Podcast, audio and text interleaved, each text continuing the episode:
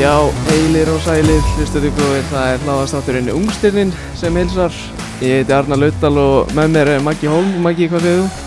Herri, ég er bara nokkuð góður sko, bara ég ála að gera í vinnun í dag Já, að það er fyrsti sko já, alltaf, alltaf að vera vittlust í óterja, allir að kaupa bolta og treyjur og... Já, það er bara allir að koma að kaupa sumagjafur, það er bara eins og það er Já, herru, í dag erum við með sérstaklega gest. Þetta er maðurinn sem hefur verið að skemmt okkur Íslendingum á hvort það sé útvarpi, sjónvarpi, bak við skjáin að lýsa fótballtalengjum. Það er engin annar en Rikki G. Rikki, verður velkominn.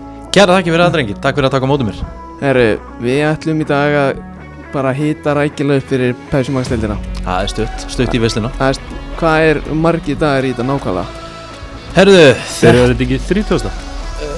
sko, fyrsti, eða sérst, opnunaleikurinn er sérst Valur Ía, það er á föstaskvöldinu það er, það er hérna, það er 30. já. En, en svo fer þetta svona, svo eru þrý, einhverju þrýra, fjóru leiki, þrý leikir held ég, fyrsta mæ Já, en opnunaleikurinn, það eru Íslandsmeistararnir sem að fá, fá skagan í heimsók þannig að það eru bara, við erum að fara í þetta eftir nýju dagadrengir Ekki 3-0 sigur skagans í fyrra, það er 3-1 ég allavega manni eftir því að ég setti fræga tvittfærslu eftir þannleik. Já, Nei, það var endur ekki eftir þannleik. Jú, það var, það, nei, var ekki Þeir komist í 3-0 Já, ekki jú, bara eftir korter Já, svona, sko. Þetta var einhver algjör katastrófa Bila leikur sko Já. Og við þjóðum að þetta hann í fyrsta, er það bara í fyrra? Já, Já, það þegar á svo. hlýðar enda, já Já, þegar skæin rúlaði yfir, já, nei, valseg. já, þá held maður bara Herru, skæðin mögulega að fara að gera eitthvað En nei, það gerði sig hann ekki. Sko, Er búið að staðfesta að með áhörundu mæta? Verður þetta að hóla niður eða er eitthvað komið á Er reynd þetta ekki bara þessar, þessar, þessar reglur að það megi vera hvað, var ekki þessar- þetta leikústæmi að það þurfa að vera mert í hverju, hverju einasta sæti? Já. og nafn á, nafn á bak og hvernig einasta meða það er mitt. það með að hérna, þar til annað kemur í ljós. Það verður alveg bara áttu með það Það verður nefnilega alveg baróttu með það en, ég meina það, veist, en uh, svona kannski klárum þetta COVID-dæmi en, en það er náttúrulega að fagnaði allir að deildin sé að fara á stað aftur en kannski eina sem mér er svona fundist að hérna manni finnst svona pínu lítið svona ekki kannski stemming nei, fyrir þessu og, og svona manni finnst eins og það hefur verið svona smá vannþörf á, á eins og kannski svona KSI eða Ölgerðin sem er náttúrulega allstyrtaraðilinn og, og bara svona þeir sem eru sem koma bak við þetta? Já, ég sá um þetta á Twitter í dag, að, hvað eru skiltinn, veist, á er Bara auglýsingarnir í sjónvarpinu sko. Já, Bara já, já. bestu auglýsingar ársins, alltaf. Já, Já, já, það, ég er náttúrulega að vinna á stöðu sport og, og við erum náttúrulega með þetta en, en það, við erum náttúrulega bara að græja og gera og, og gera allt tilbúið fyrir þetta. Það verður mikil umfjöldun hjá okkur í, í sumar. Við ætlum ekki að vera á völlunum yfir leikjunum, við ætlum að gefa fólki bæði upphittun og uppgjör bara strax eftir leik. Á vellinum. á vellinum. Já, hef ég, hérna, erum við svona að reyna að, að koma því í gegn að, hérna, þetta verði algjörlega grand og við ætlum að gera þessu hátundur höfði en það er náttúrulega erfitt að, hérna, og mjög erfitt að hérna, að að búa eitthvað til og ætla að gera eitthvað og við vitum svona, við vissum ekkert hvernig verður þetta, verður Já, fyrir mótið á stað þú veist.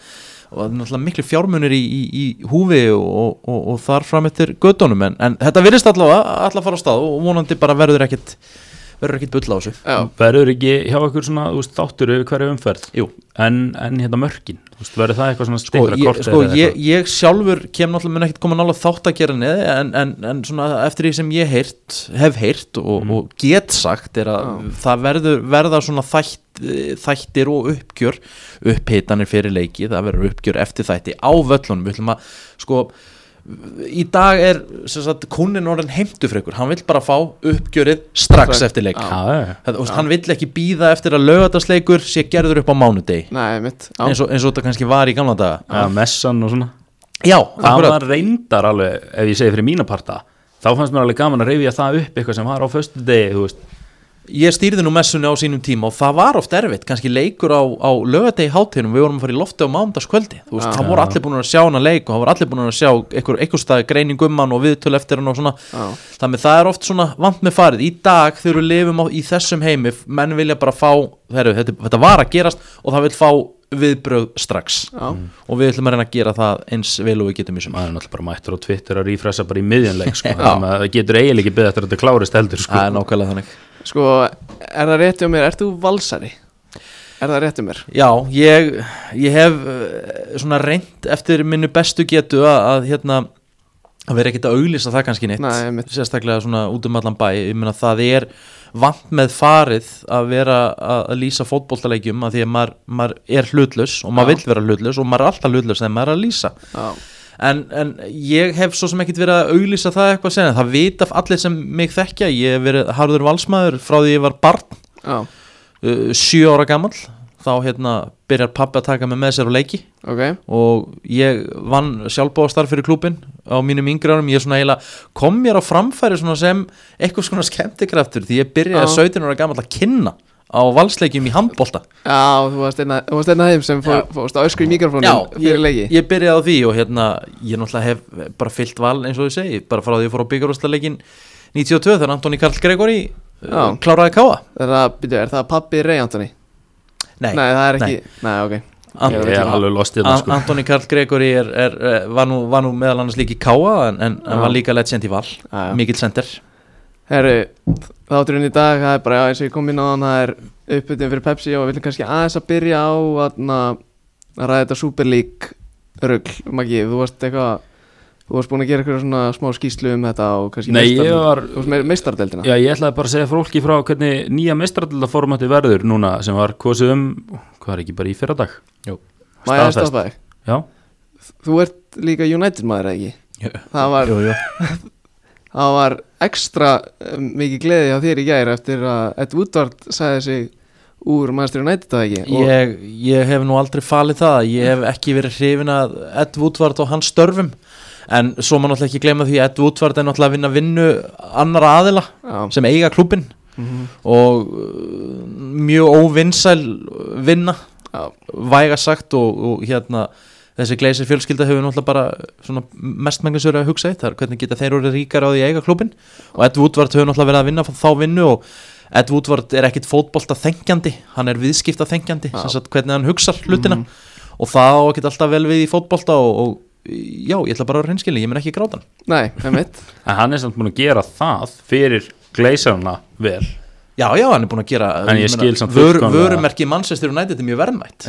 Viðskiptalegs eðlis er Manchester United frábærlega vel reiki fyrirtæki. Já, algjörlega. En, en svona klúbburinn sjálfur svona sem fótbolta klúbbur varandi leikmenn og annað og margir leikmenn, ég meina jú, jú, Woodward hefur náði fullt af mönnum en hún hefur verið sagt að gera það. Mm uh, og hafi verið sett pressa á hann að gera það. En uh, varandi það hann hefur líka mistað fullt af öðrum góðum leikmennum af því að það hefur verið að stranda á okkur nokkrum tölum, einhverjum mm. þúsund köllum, miljón köllum eða Já. einhvern veginn sem það er þannig að ég, ég held að næsti maður sem þarf að koma í þetta starf hjá United þurfa að vera fótbolta þengjandi og ekki myndi skemma fyrir að hann hafi eitthvað skona reynslu og er þetta er romantist eða er þetta eitthvað af þessum Class of 92 eða eða eitthvað svoleiðis en, en hvort að það verði, verður að koma í ljós eitthvað sérstakum maður sem þú vilt sjá í þetta jobb eða?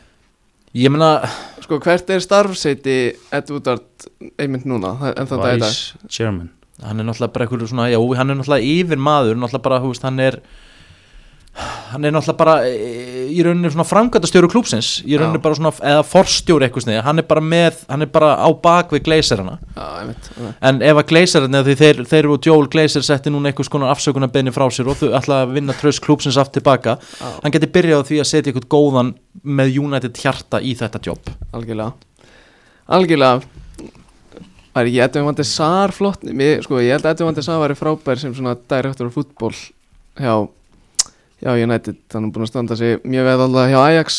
Já, já, bara eh, ekki spurning. Einhver bara svona sem tengist, hefur tengst fótbolta heim í gegnum tíðina. Og ekki verra ef hann, ef hann er svona United, United hjartamaður þessast maður með United hjarta en eins og ég segi, svo getur vel verið að gleysa þetta hugsi bara eitthvað annað, herru, við, við viljum auðga okkur og, og, og hérna, nótum klúbin til þess, þannig að þeir kannski bara finna sér eitthvað sem þeir vilja. Já, ég bjóst við því þegar ég sendi á því fyrst Rikki og bjóst ég fyrst við því að þá var sett overdeldin ennþá í gangi sér sett mm -hmm. og ég bjóst bara við að þú er að koma hingað í stúdíu bara með eitthvað svaka ræður, svaka yfirlýs, yfirlýsingar og en þetta var bara að jarða niður á tveim dögum. Ég sagði, sagði það í viðtali, ég fór í viðtal strax steginum eftir og ég sagði að það var við brennsluna, þá var ég í sumafrí, brennslan er sem státtur sem ég stýri líka og það þau voru að fá einhvers konar upplýsingar því þau vissu lítið, þau vita lítið um fótballtaplóter og, og Já. Kristnir Rutt að ég sagði strax að ég ætti eftir að sjá þetta gerast.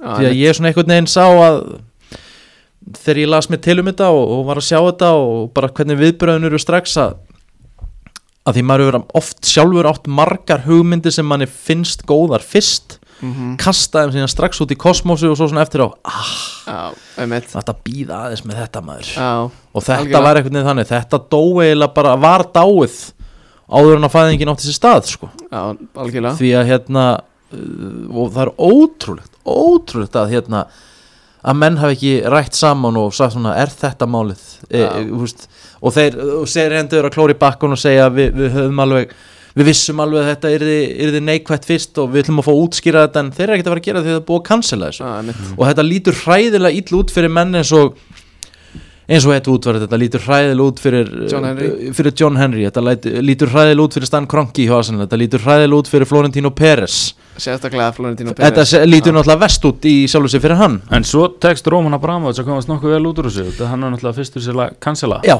hann las leikin vel og hann var eitthvað sem segir mér að hann hefði átt frábæran PR fulltrúa sem, sem við sagt, vilt þú fá hérna gútvill tilbaka? Já, Mm. verður fyrsti maður til þess að cancela þessu. Já, algjörlega. Sem hann gerði Já. og hlustaði.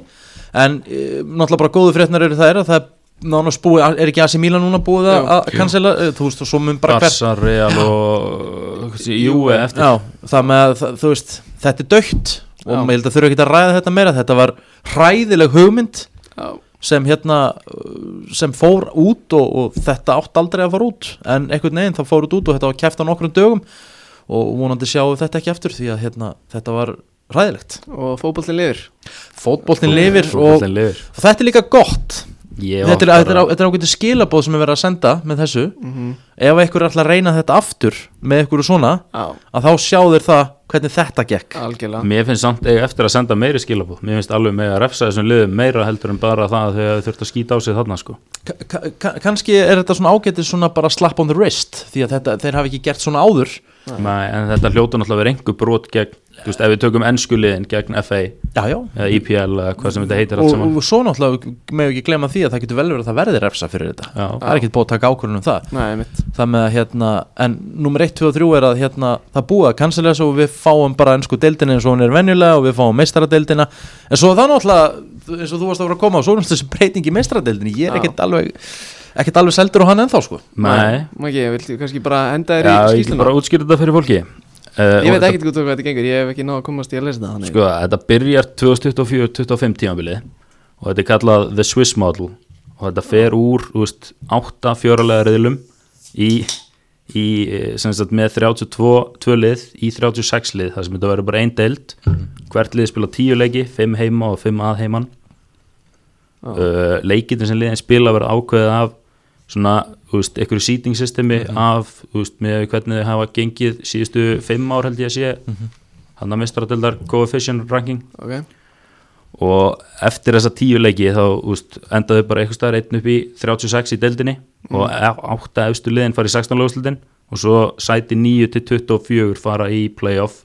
Þar sem að nýjönda sæti spilar á mútið 2004 já, bara eins og, og, og kolla kolli tíunda mútið 2003 og, og það verður ekki heima að heiman, það er ekki rétt skilja mér.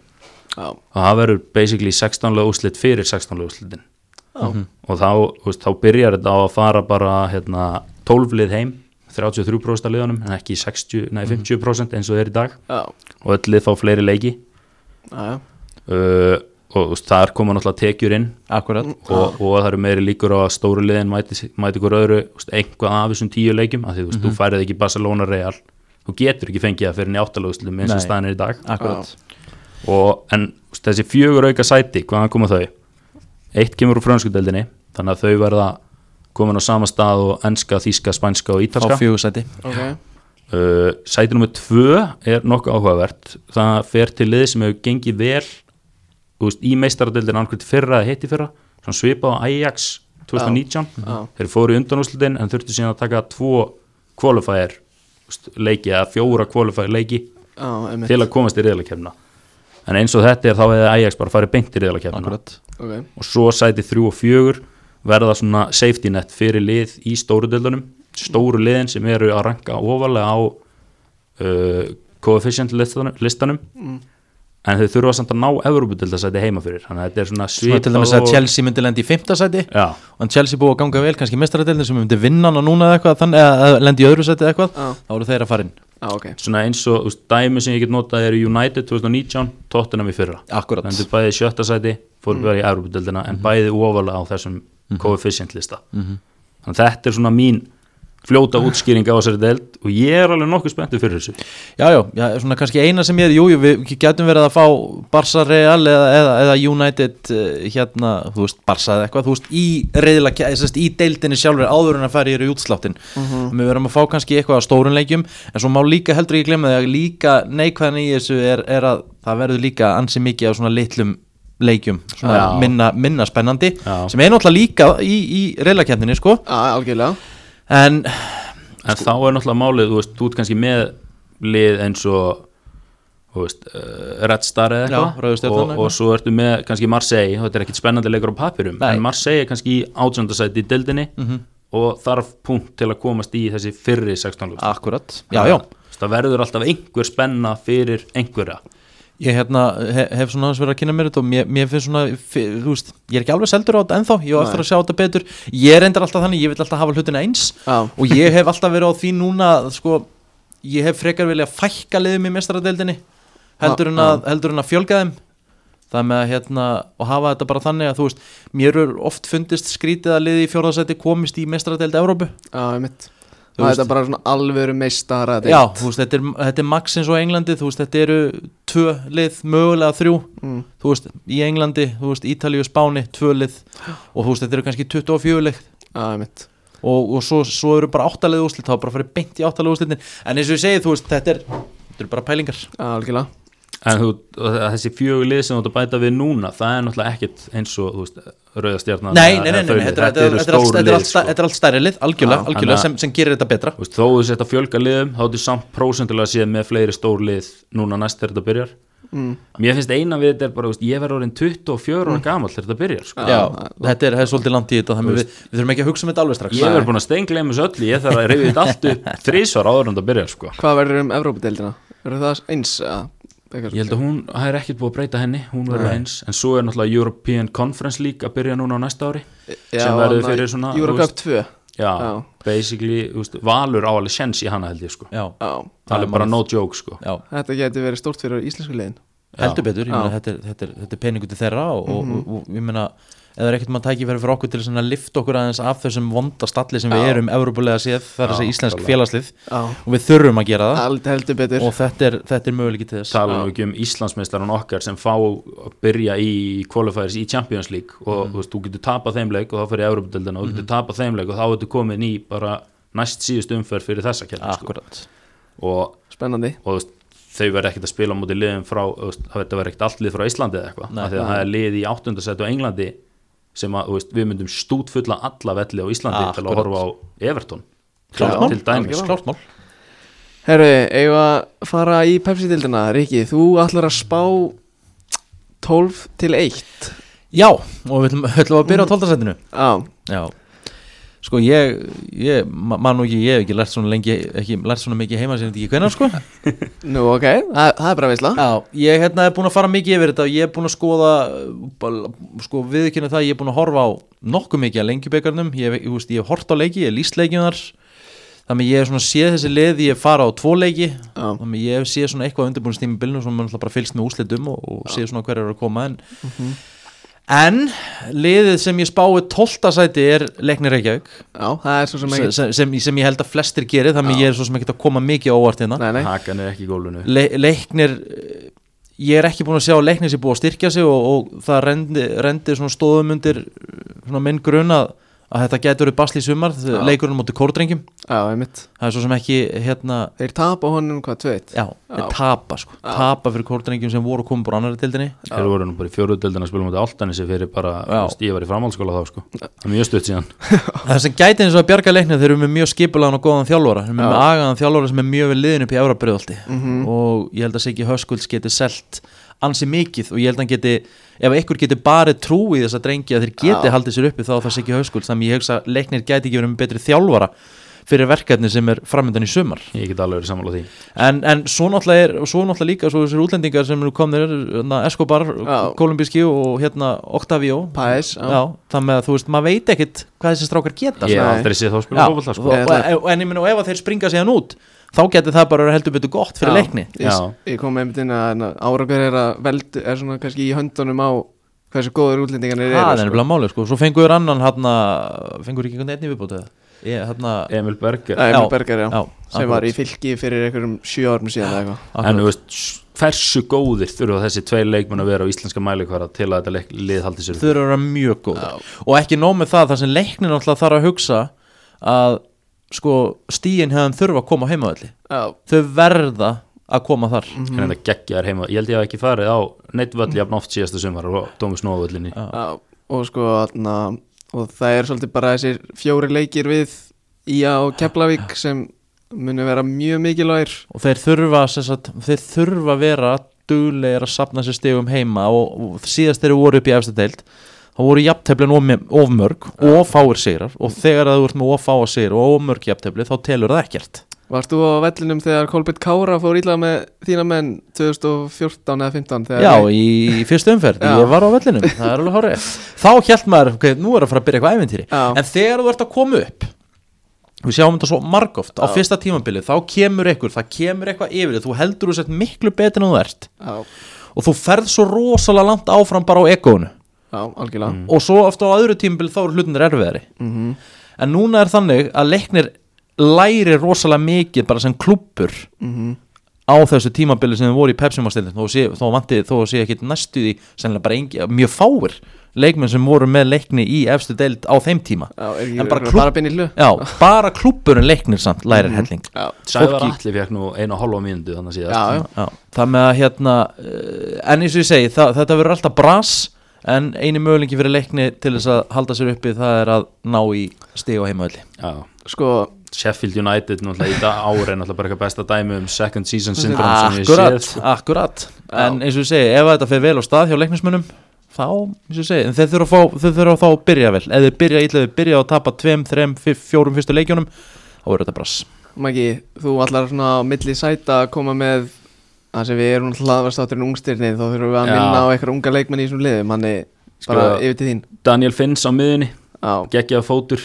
Já, uh, verður mjög mikilvægur hjá þessu liði í föstum leikatrum Mhm. ég get alveg séð á eh, auðveld mörk, eh, auðveld og ekki auðveld mörk en Mhm. svona cheap mörk. Uh, skoraði 6 mörk og laði upp 2 í síðasta sumar. Já. Setti meðal hans þrennu á móti Dino Hodges Kára.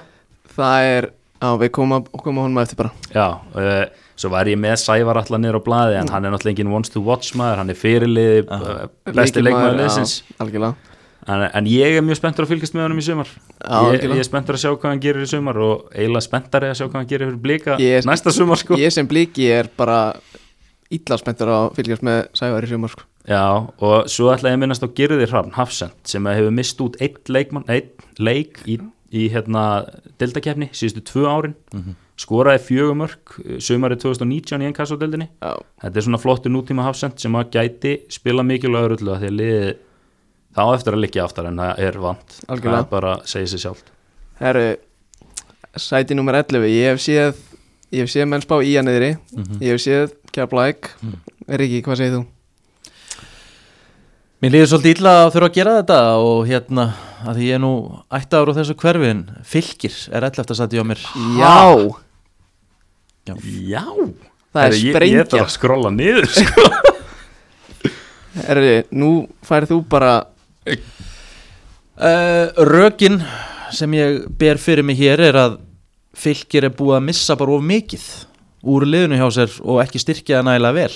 Á, styrkja þær stóðir uh, þeir unnu frábælega vel þrýr saman, Óli Stíks Orri og, og nei, Alli segi ég, Alli Sveitn og, og hérna Óli Skúla. Á, og þetta, það gekk einhvern veginn allt bara fullkomlega upp í samstarfinu. Á Uh, það var stemming hjá liðinu það, það var rosalega létt yfir öllum hópnum.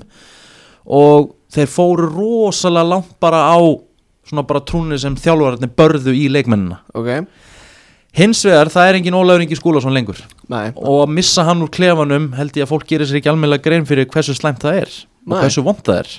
Ok. Ólafur Ingi er svona pínlítið já, var svolítið svona tengingin við leikmenn til þjálfarana hinn að tvekja Emitt þeir eru alltaf búin að missa Valdimar Þór Ingimundarsson Já, já, Já, sem var breytt Þú- besti leikmaður deildarinn Já, eftir á og þú ert ekkert að þú ert ekkert að, þú ert ekkert að uh, s- s- sjettla og, eða, eða sparsla í það gatt bara Nei. vesti missir so far. Já, það er bara Hann og, Valdimar Valdimar Já, það er bara, þú veist, það er hræðilegt Þeir eru búin að fá dagdan, við veitum ekkert hvað hann er að fara að sína hérna á Íslandi. Við höfum séð fullt að strákum koma heim úr atvinnumennsku og það hefur ekki gengið. Verið í Mjöndalen í, í hvað, Nóri. Nóri, eitthvað svona inn og út þar. Þeir, þeir eru að ná í hérna, eh, hérna Jordan Brown, ekki Já. ensku þetta sóknamaður er eitthvað vinur Jair. Já, og spurning, en ég meina svo getur vel verið að þeir eru bara eftir að elska að vera saman í liðu og þeir eru segja bara eftir að taka kóla og jorka át eða Já, eitthvað svoleiði sko. en maður á bara eftir að sjá það gerast Torfi Tímóteus, þetta þetta- þetta er fín styrking mm. frá, frá fjölni þeir eru að fá, fengu hérna flottan strák frá fram sem er með flotta, flotta reynslu já. klálega. þrátt fyrir ungan aldur Mhm.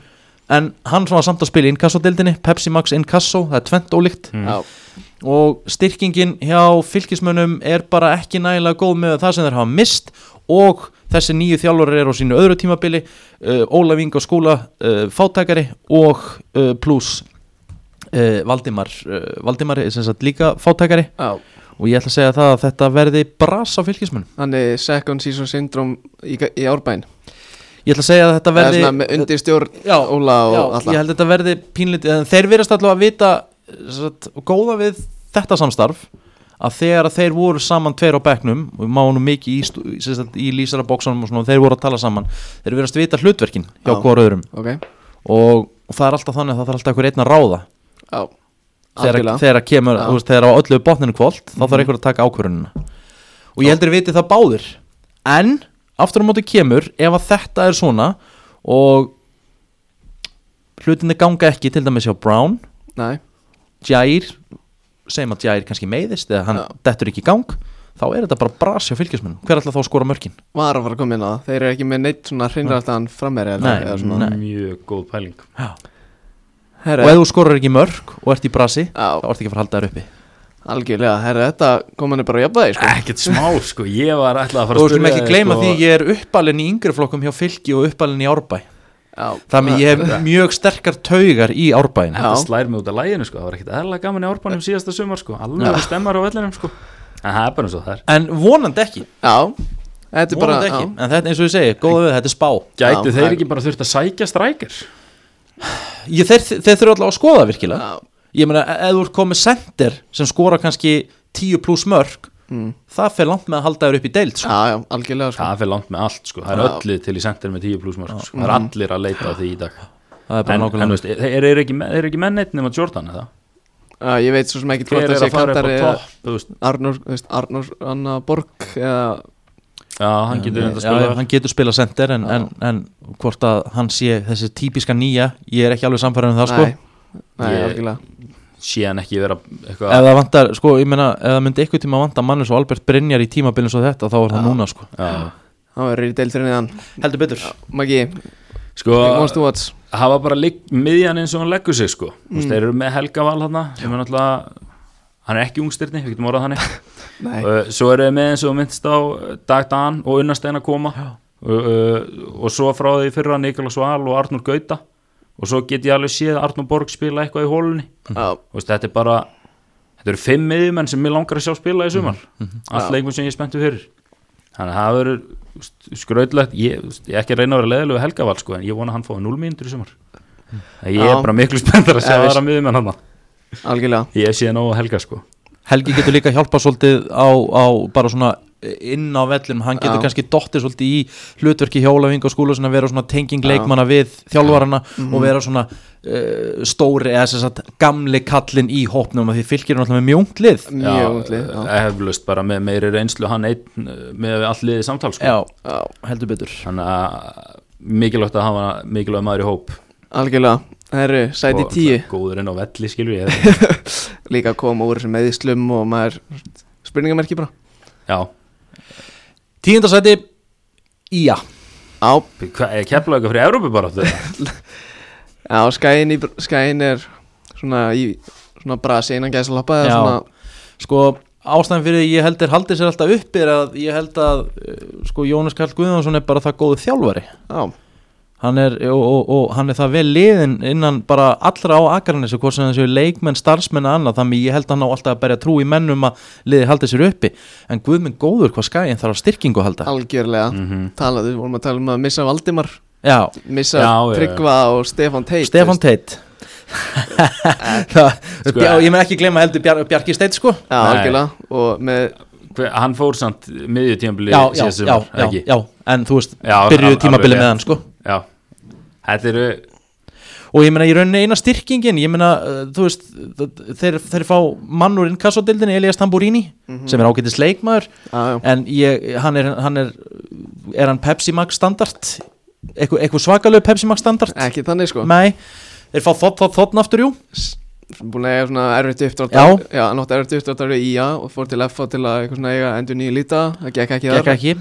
En e, getur, getur mögulega getur Jói Kalli tekið teki einn og einn á hann og, og sagt þú verður maðurinn í sumar. Já, barið í hann smá trú. Algjörlega. Því að ef, að- ef að það þarf að kvikna á einhverjum af þessum mönnum sem hann er að fá og ég meina þú ert búin að missa þessa sem við erum búin að telja hérna upp Já, og liði var komið í brass á síðasta tímabillum Já. til restina. Algjörlega. Guð minn góður og náttúrulega það skiptir öllu máli hvernig start þú færð já, ef að skæin að skæin nær upp stemmingu fyrstu tveim, þreim leikjunum ná að sanka sér stigum þá getur þetta orðið bara fínt Já, það er eiginlega bara sláandi að horfa á þetta á blaði en að missi hjá IA sko. Já. sko Þetta, ég, held, ég held að þetta sé það versta já, af öllum öðrum ef þú plúsar allt saman sko. en Valdimar einn held ég að ég myndi freka Sammála því, ég sammála því. já. Mér langar að sjá Dino Hotsits fá, fá bara startið upp á skaga ég sá eitthvað myndband á Twitter og honum verið eitthvað víti um daginn Gaurinn bara, þú veist, hann let sér bara svona detta til hliðar og hann var bara með allt markið cover Ég sko. spilað við hann stór, ég sko. spilað við hann tvisar í vetur og ég er með núlmörk og ég spila eða, ég var með núlmörk í þessu leikum spilað upp á topp og bara að vera fyrir framann en gæja ég er með hálsíki þegar ég horf upp á hann sko þetta er bara Þetta er svakalegu skrokkur sko. Já, En ég minna það, er- það er bara fínt að þá er hann komin í að allavega, þú veist, Árnisnær er ekki heilagur þá mögulega nei, algjörlega en ef hann brýtur sér ekki inn í liðið er ekki nokkuð, fyrir hann ekki á lán til þá kára aftur spilar þar. Já, sjáum bara til hvernig, hvernig ég held að hljóta, ég held að hann sitt ekki á bekknum allt sumar. Nei, staðar. Kári, Kára menn geti þurft á hann um halda. Níunda sæti.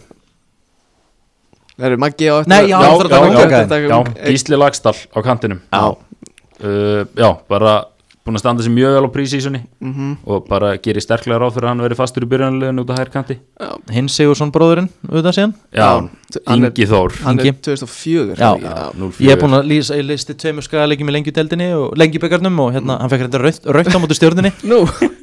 En, en það er efni. Já, og Já. ég meina, þú veist. Ég er mjög spenntur að sjá gúst, eiginlega meira hvenar hann færi mínútunda sínar í sumar. Og ég er nú góða við Jóa Kalla, hann er ekki trættu við að spila sem gæjum, sko. Hann spilaði bara. Mhm, Er ekki, hann er, hann er ekki, hann er ekki svolítið öðruvísi en Arnór, er hann ekki hann er, er ekki, stærri hann er, hann er stærri og meiri sko. Já. Já, já. Hvað segir þá eru við konur í nýjunda seti ára nýjunda seti ég held ég hljóta hl- hlýtur að vera ég viti hvaða lið út að fara að spá þar. Herðu, það er F, nei, það er Keflavík. Keflæk, já Nei, ég held þú ætlar að fara með það ofar sko. ég, þú veist, Háká hlýtur að halda sínu sæti. Í nýjönda er ekki búin að vera í nýjunda þrjú ári röða það verður ekki núna. Nei, já, já, Keflavík verður í nýjunda seti uh, ég held að Keflavík sko, og ég hef tilfinningar fyrir því að Keflavík verði ekkit í einhverju svakalegu basli sko. ég held að Keflavík verði búið að tryggja sæti sitt svona, það eru fjórar fjórar umferðar eftir. Já, ok. Ég byggi það á því að þeir eru með tvo þjálfara. Já, Sigaraka og Eistein þeir eru mættir held ég á skrifstofan klukkan 7 og þeir eru byrjar að pæla. Emmett þeir eru byrjar að skoða vídeo. Hvernig æfingar er að vera í dag og, og hvað hérna menn er að hlaupa mikið taka úr vestunum og, Mhm. og taka heatmap og þetta er bara gæja sem vaka og sofa yfir þessu. Algjörlega. Og byggu til rosalega skemmtilegt lið í fyrra, sóknarlega. Frá, og ég, ég held ég að líst tveimuleikjum, einum í hérna inn Kassá og svo líst ég að hérna, þeir voru að spila á múti breðablik í byggarnum, Já, það var skemmtilega leikur. Geggjaður leikur. Já. og sem segir það að þeir, er fullt af mörkum í þessu liði. Mhm, Já, en, við skulum ekki gleyma því að, uh, að hérna, lengjudeldin sem sagt, uh, það er svolítið munur á að skora í lengjudeldin og skora í Pepsi Max deldinni já, já gæðin eru tölvöld meiri. En ef þið ná að skora svona eitthvað svipað þú veist, kannski, þú veist, þú hvað vorum hátt í 60 mörk í lengjudeldin en ég menn auðvitað að ná kannski helmingnum af því, þá er það fínt samt. Já það, er, það er mjög gott sko. En vartanleikunum þarf að vera betri en síðast sumar. Og Það kemur kannski Ísak Ólin já, sem kemur frá Sönjeriska í Danmarku það hjálpar. Og svo eru við búin að ná í, í hérna uh, Marley Blair. Já, sem var í Burnley og Liverpool eða ekki? Já, og þeir fá áspj áspjöð frá Káar já, hann er, hann er svona, hann er alveg prúven eða svona strákur já, já, já, bara, bara klárt mál. En svo náttúrulega bara veltur þetta á öllu. Alltaf Joey Gibbs að raðinn nákvæmlega. Og ef að, ég meina Joey Gibbs var hvað með 21 marki í inkasso, ég meina ef hann getur skorað 11-12 þá er það bara geggjað, þá er keflaði aldrei að fara að falla sko. aldrei. Aldrei. í þessu 21 marki átján leikjum. Já, Það er það er rosalegt. Og ef að Joey. Gibbs gerir helmingin af því þá er þetta ekki Nei. í nokkuð sterkri inkassodel sko. Mhm. Uh, ég er svona þú veist, Rúnar Þór vinstur bakur leikilmaður í þessu liði. Já, ég er spenntur að sjá hvernig hann, hans leikstíl á eftir að translatast í, í þessa deild. Ég ef að keflaði ekki að gott síðan þá getur Brúnan bara verið færin út eftir tímabilið sko. Hann var á reynslu á Sirius held í Svíþjóð og en ég er spenntur að sjá þú veist, að því þeir verða að verjast meira. Þeir verða að verjast þeir betur. verða neðar í deild töflunni þeir verða ekki besta liði. Nei, og ég hlakka til, veist, ég veit hvað þessi gæði getur sóknarlega en hann þarf að sína mig hvað hann getur varnarlega í sumar. Mhm. Og svo Davíð Snær á miðunni höfum 0-2 model Svonur, svonur Jóhanns Byrnis já, spilaði, Góðskan í keflaði spilaði stórt hlutverk í þessu fræga U17 ára landsliði hjá okkur. Já, hann er nú þegar komið með 52 mestarflóksleiki fyrir keflæk og Keflavík er að koma tölvert tilbúnara núna upp í deildina heldur en voru síðast þeir eru fóru niður með skömm. Já, Já, bara eitt lið Já, í sögu og, og þannig að þeir eru, þeir eru tilbúinir og þeir eru, þeir, þeir eru meðvitaðar líka. Já, hvað gerði síðast? Og þeir ætla ekki að láta þetta endur taka sig og ég held að séu allir on board í Keflavík stjórn, leikmenn, þjálfarar í þetta tímabil og um leið og áhörundur verða leiðir almennleir sem sagt að Já. að takmarkanir Já. Keflavík og við já, algjörlega ef þú eru að spá yfir að undir 11 mörg á Joey Gibbs í sumar? Ef ég ætti að setja á það þá myndi ég setja undir. Já, já, það, það er mikill munur en ég, ég, ég held að hann verið há- ég held að hann verið með tíu. Já. Mhm. ég held að hann verið alveg- ég held að hann færi tveggjast átöluna já, Viktor sem að er þið risastórt það er bara það er frábært fyrir Já, Keflavík það er með flóknara tíu en markamann Þið vorum einmitt að tala um skagan á hann, veist, Viktor Jóns, hann er eitt besti inkasso frammeri bara Akkurat. síðustu ára en hann er kannski ekki verið að skora eins mikið og hann gerði inkasso, þannig, það verður press á en honum í sumar. Joey með gæðin allavega. Já, Joey mikið aðeins klála Herri, þá eru komin í eitthvað átta.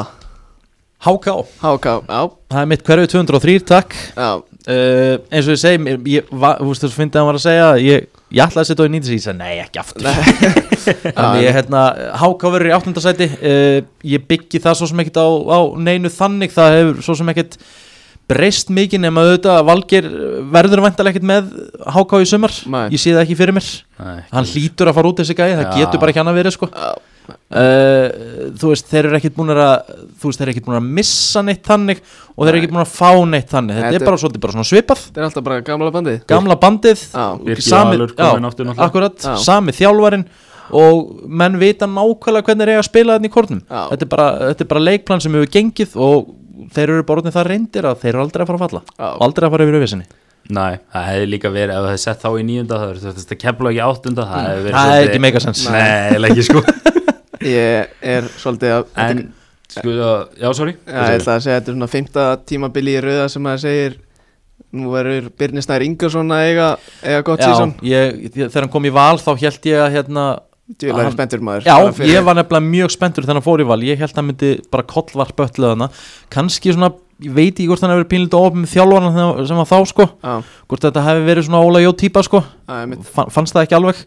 En Birnir getur hins vegar tekið leiki yfir. Hann getur Já. unni leiki upp á einstæmi Já, Og ef hann hérna verður með hausin rétt skrúan á Því ég þekki nú Birni og að, hérna, hann getur unni leiki fyrir HK maður hefur heyrt um, í viðtölum og á .net og bara menn segja bara að þetta er Íslenski neymar. bara rosalegur stundum á æfingum bara unreal Hann sko. er geggja, ég, meina, Hann ég er hef ro- séð gæjan á æfingum. Já. Ég meina þetta er bara störlum Já, og ef hann getur David Liver á þessi leiki mm, og ef hann alltaf fær aðstóð, hann þarf alltaf að hafa aðstóð líka algjörlega. þá getur gæin eins og ég segi, hann getur náði ansi mörg steg fyrir HK í sumar. Svo er bara spurning hver á að skora mörkin. Já, ég skal Hák- finna út af því fyrir ykkur. Stefan Ljúbisic, Já. 99 model Þú vilt menna það? Ég, hann er eini maðurinn sem er í, á þann aldur að ég geti talað um hann hérna. Ég held að Jón Arnar Bardal byrji mótið sko. En ég, þú veist, ef það vantar Stefan Ljúbisic, hann er 1.94 Já, já, Búin að vera í akademin hjá uh, Brighton. Búin að spila, skora þrjú mörg í fimm leikjum núna í lengjunni. Mm Já, Hann að, hann fekk 267 mínútur, sá ég á transfermarkt Mm. í, í fyrra.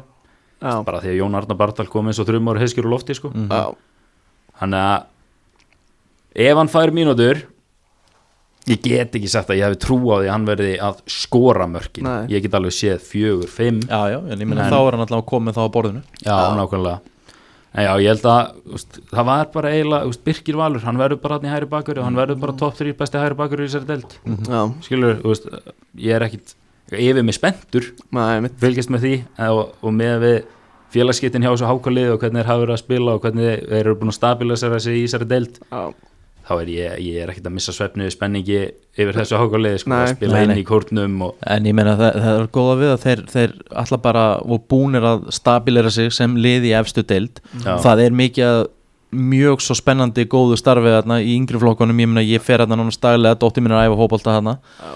og það er margt spennandi að gerast í kórnum og það er bara mjög stutt í það held ég að við förum að sjá Já. spennandi hákalið algjörlega sko ég, ætla, ég er alls ekki það sem Háká er búið að gera er búið að vera frábært skilur veist, Háká þegar ég mann eftir mér bara veist, í þriðjaflokki þá var þetta bara annarsteldalið sko. Já.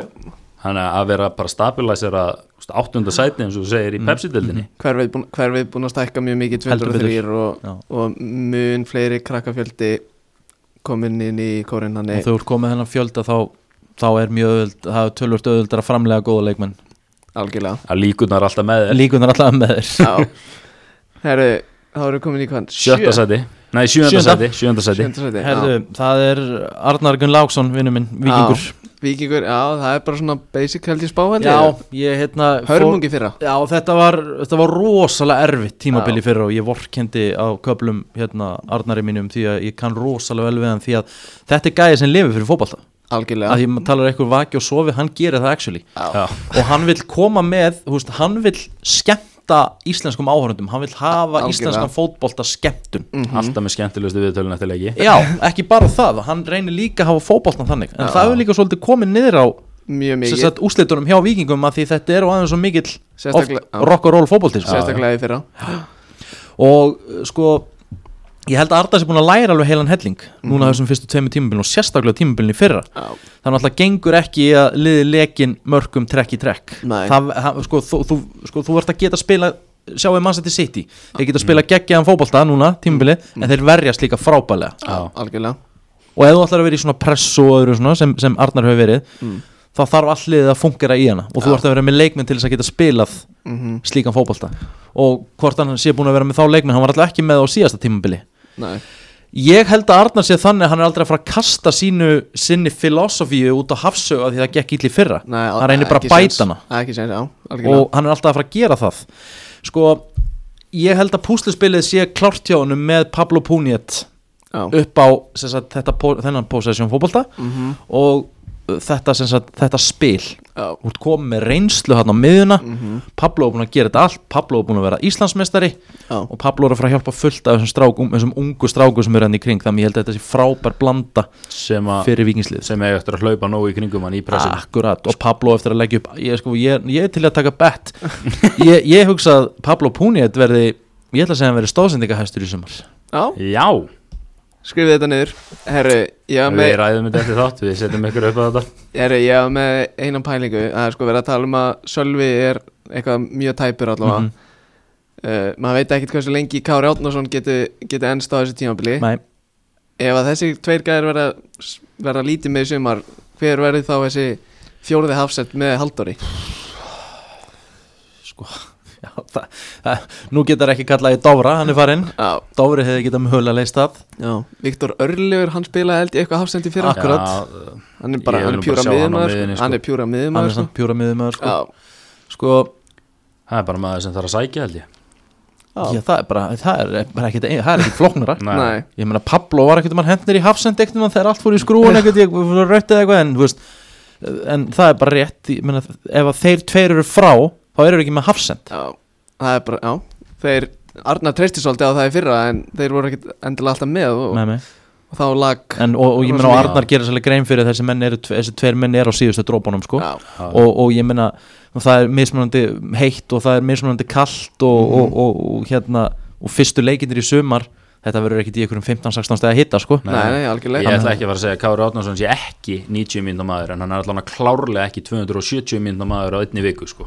Nei, Nei. það er bara ekki fræðilega möguleiki og. Arnar veit það alveg að vel og ég sko. Já, já Þannig að uh, ég held að, að hann er eftir að ná góðu ég, sko, ég, ef eitthvað getur trekt almennilega Karl Friðleif í gang líka Já. eftir fínt tímabil með gróttu Mhm. og bara fengi enn meir út úr honum Já. þá er það Arnar Gunnlaugsson Já, algjörlega Já. þetta er svona hans típa og svo hérna hef ég verið rosalega hrifin á honum hérna Kristall, Kristall hefur verið geggjaður á sundumstími, við svo Algjörlega. tvo leiki með honum Mm.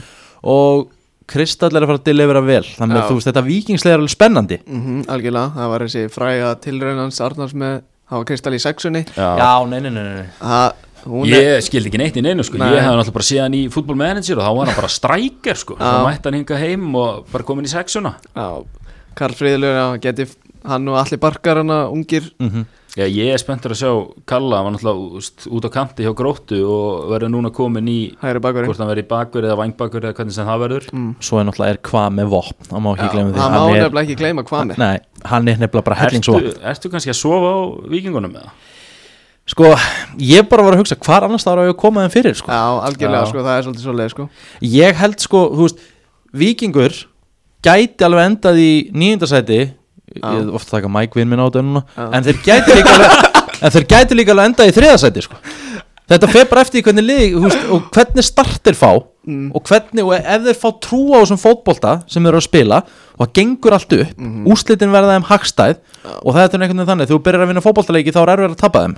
Algjörlega, þetta byrjaði bara ekki nógu vel hjá vikingunum síðast tímbili sko. nei, þetta var, var Sko- ekki fyrsti leikur eitt eitt játtublið fjölni eða eitthvað heima Þeir eru með besta markmannadúu í deildinni, skilur það, hann er já. ekki að markmanni með þess en ég vil sjá að sækja Hafsend af því að ef þeir sækja Hafsend þá eru þeir bara með eitt breyðasta, eitt breyðasta hóp Já, í deildinni. Já. fullt af góðum Svo bara spurning með uh, hvort að Helgi Guðjóns ætla að taka anna mörkin sín úr lengju, lengju bygg, Mhm.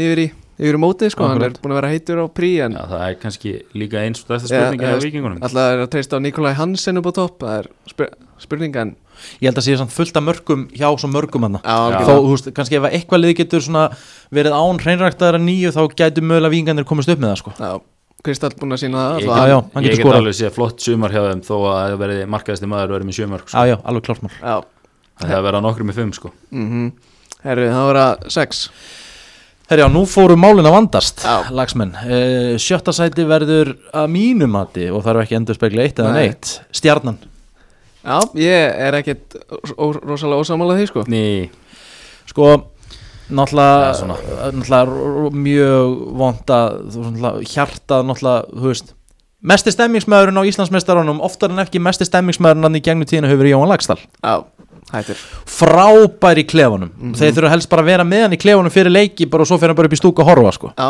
að það er ekki til meiri peppari heldur en Jóhann Lagstall næ, með það, þú veist, þó kannski hann sé ekkert búin að spila neitt eitthvað svakalega mikið síðustu árið eða eitthvað þannig en þú veist, hann er alltaf verið mikilvæg hlekkur í þessu liði, bara í hópnum. vond að missa hann, Guðjón Baldinsson stór karakter líka farin úr stjórnuninu þó að hann er ekkit, ekkit alltaf eitthvað tól, tólmarka maður en hann ger bara svo margt annað sko. hann mikið til sín. Svo sem ekkit spesi fyrra. Nei, nei, Nei. alls ekki. Eh, en náttúrulega mesti missir þetta Alex, Alex Þór Hauksson er farin sko. mhm. Og það verður ekkit auðvöld að fylla það skarð. Því menn Ævar Ingi er hættur uh, Jósef er farin og það sem þeir eru búin að fá, þeir eru búin að fá Einar Karl. Einar Karl Já. er mjög flott, er, er fín styrking. mjög góður í fótbolta. Já, frábær fótballtamaður og ég er ánægð fyrir hönd Einar sem fekk svona við fengið lítið að tækifærum og fekk lítið að tækifærum með valsmönnum. Og það er bara í góðu liði val sem Allt og góðu liði. erfitt er að, erfitt að erfitt komast inn í. en hann ætti sko, ef hann springur út hjá stjórnunni mm, þá verður stjarnan óvaran sjötta setið. Já, klart mál. Uh, svo við náttúrulega eftir að sjá auðvitað Ólaf Karl Finnsen í hvernig Mhm. standi verður Ólaf Karl? Þetta á að vera romantísk saga, hann er að koma Já. aftur heim eftir, Mhm. eftir uh, fan favorite. Já, já, algjörlega, menn dýrkan menn gjörsanlega dýrkan í ef það kviknar á honum. Ég meina þetta er gæðin sem er búin að vinna titil með stjórninni og ég meina ég þekki gæðin, hann er það rugglegar hann getur sagt við menn í klefanum, við erum fara á Íslandsmeistarar. Já, ég er líka bara, þú veist, búin að vinna til þú veist, hann bara bara allt í kringum þennan titil er já. bara eitthvað stæsta sem Garðabærin hefur Já, upplegað algjörlega og hann var, hann átti bara, ég meina hann var bara maðurinn sem færði þeim titil Algjörlega. það með að hérna, það þurfa sem margir hlutir samt að ganga upp. Já, og ég meina Ólafur Karl þá þarf að vera- í standi. Algjörlega. Og ég meina við að hann er oft dottið í meðsli og eitthvað svona. Mhm. og, og, og svo náttúrulega eru við búin að fá útlendinga. Og þá segir maður, hvað geta þessi Já, útlendingar. Óskar Borg, Magnús, hérna Anbó þú veist, við höfum ekki séð þessi nöfn sko. Nei, nei Þessi langt Magnús. Ambo, veit þið hvað hann spilar á vellinum? Ég veit að þessi Óskar Borg, hann er Óskar, bak já, Hann Óskar er Borg er bak Ég veit ekkert Nei. um uh, nafna minn Magnús kemur frá, kemur frá AGF já. það með ég segi maður, þú veist, Jú, er hann ekki sóknumæður? Ég held ég hef heyrt það ég meina þeir hljóta alltaf þurfa að gera það vantilega en ég meina Emil Allarsson hann, hann hérna, hvað er ekki síðasta leiknum, nei, næst síðasta leiknum hjá stjórnunni í lengju byggarnum án öllu var skellt í lás og skora hann tvö Já, og ég meina Emil Allarsson, ég meina þú veist, hann er með gæði já hann er klókur Oft að bara greiða, búin að held í búin að slíta í tvisar eða. Þannig, En, en sko Emil Allarsson er samt engin djöflari eins og Guðan Baldursson þannig að stjarnan er ekkert að fara Brynjar Gaut er ekkert að fara að negla boltanum úr varnalínu og fara að láta Emil elda boltan eins og nei e, út um allan völd sko. Það gengur ekki þannig sko. Sko, heldur þú að liðastjórnir verið öðruvísi eftir að að Totti Örleiks komi í stað, í stað Óla? sko, það, sko það, það sem ég sá í fyrra Mm, það var, það var ekkert Óla Jó legt við þetta stjórnulið nei, þannig ég hugsa, ég hugsa Óli Jó ég er ekkert vissum hvort að hann hafi náð að koma sínu á framfæri Nei. við Rú- Rúnar náttúrulega ræður. Já. Rúnar Páll er bara maðurinn. Mhm, og Totti er, er svona svipar Óli Jó þetta eru menn með sterkar skoðanir. Já, þetta eru menn sem sjá fótbolta með Þekkja- sínum ögum, þekkja þekkja þetta allt saman, já. þekkja leikinn. Já, en svo náttúrulega bara er kallin í brunni sem er Rúnar Páll. Mhm, og að lokum þá náttúrulega er hann sem tekur ákvarðan Bóltinn stoppur í honum. Algjörlega.